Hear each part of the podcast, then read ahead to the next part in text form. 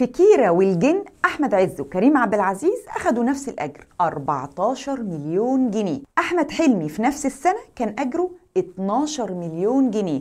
هنيدي كان من 8 ل 10 حسب شركة الإنتاج. طب بالنسبة للمسلسلات آخر رقم حصل عليه عادل إمام كان 40 مليون جنيه. المنتجين متوقعين إن لو عادل إمام رجع النهاردة هيكسر ال 60 مليون جنيه. أمال محمد رمضان بياخد كام؟ سهل نعرف. حصلت خناقة بينه وبين ام بي سي وطلبته برد المبلغ المتفق عليه مقابل ثلاث مسلسلات. من إنتاجها المبلغ ده كان 110 مليون جنيه. اقسموهم أنتوا بقى على الثلاثة